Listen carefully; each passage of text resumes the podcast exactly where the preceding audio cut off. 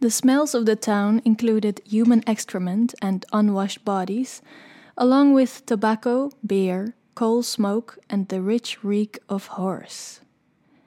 Deze zin las ik op pagina 1 van het boek The Making of Modern Britain.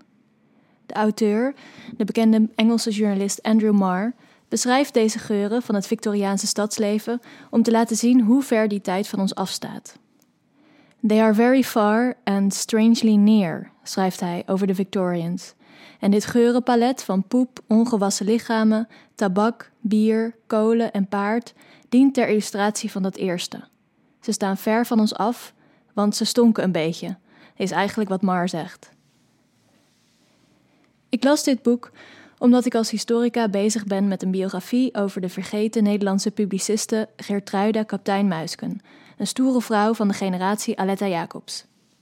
Kaptein Muisken woonde aan het einde van de 19e eeuw maar liefst 20 jaar in Londen, en dus vroeg ik me af, hoe was het in Londen in die tijd? Hoe zag het straatleven er toen uit?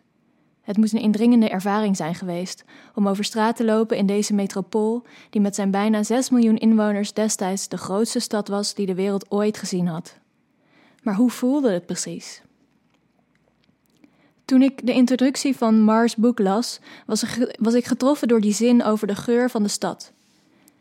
Natuurlijk was ik me ervan bewust dat bijna alles anders was in dat verre 19e eeuwse Londen, inclusief de geur, maar hoe het precies had geroken, daar had ik nooit echt bij stilgestaan. Terwijl juist die zin voor mij een levendiger idee van de stad opriep dan de vele andere beschrijvingen die erop volgden. De geur mag dan een heel andere zijn geweest dan die wij nu gewend zijn.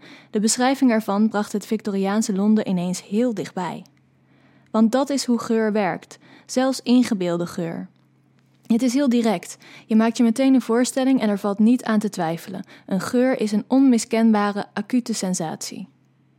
Wat gek eigenlijk, dacht ik bij mezelf, dat hieraan doorgaans zo weinig aandacht wordt besteed als het gaat om geschiedenis. Terwijl geur juist datgene is wat het verleden heel dichtbij kan brengen, dichterbij in zekere zin dan afbeeldingen of teksten dat doen. Ik wou dat ik als historica kon ruiken hoe een laat 19e eeuwse Londense straat rook. En wat dat betreft, dat ik ook kon voelen hoe de stof van een 19e eeuwse Japon voelde en kon proeven hoe ingelegde andijvie proefde. Of, nou ja, misschien dat laatste liever niet. Waarom hebben historici zo weinig aandacht voor wat wel oneerbiedig de lower senses worden genoemd: ruiken, proeven en voelen? Is dat niet juist een manier om heel direct, via de eigen zintuigen, vat te krijgen op het verleden? Maar een deel van die directheid is ook schijn. Wat wij ruiken, proeven en voelen en welk onderscheid we daarin maken, is ook grotendeels bepaald door culturele factoren. Zo ben ik ervan overtuigd dat de 22e eeuwse historici met dédain zullen opschrijven dat wij vieze 21e eeuwers over straat liepen in de misselijkmakende geur van uitlaatgassen, sigarettenlucht, hondenpoep en synthetische cosmetica. Terwijl dit voor ons helaas heel normaal is. Hoe de mens geur beleeft is anders van tijd tot tijd en van plek tot plek, net als hoe tast en smaak worden geïnterpreteerd. Toch is er ook een bepaalde tijdloosheid aan deze directe zintuigelijke ervaringen en maken ze hoe dan ook onze beleving van geschiedenis rijker en toegankelijker. En daarom pleit ik hiervoor voor een groter palet aan historici.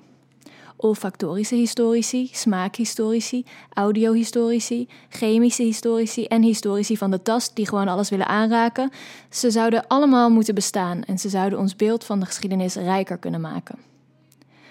Zo kunnen we hopelijk in de toekomst niet alleen een schilderij van de Slag bij Waterloo bekijken in een museum, maar ook de geur ruiken van paarden, natte aarde en angstzweet, het geluid horen van een briesend paard en kreunende gewonden, en de sensatie voelen van een priemende bajonet in je zij en de vochtig warme adem van een paard in je nek.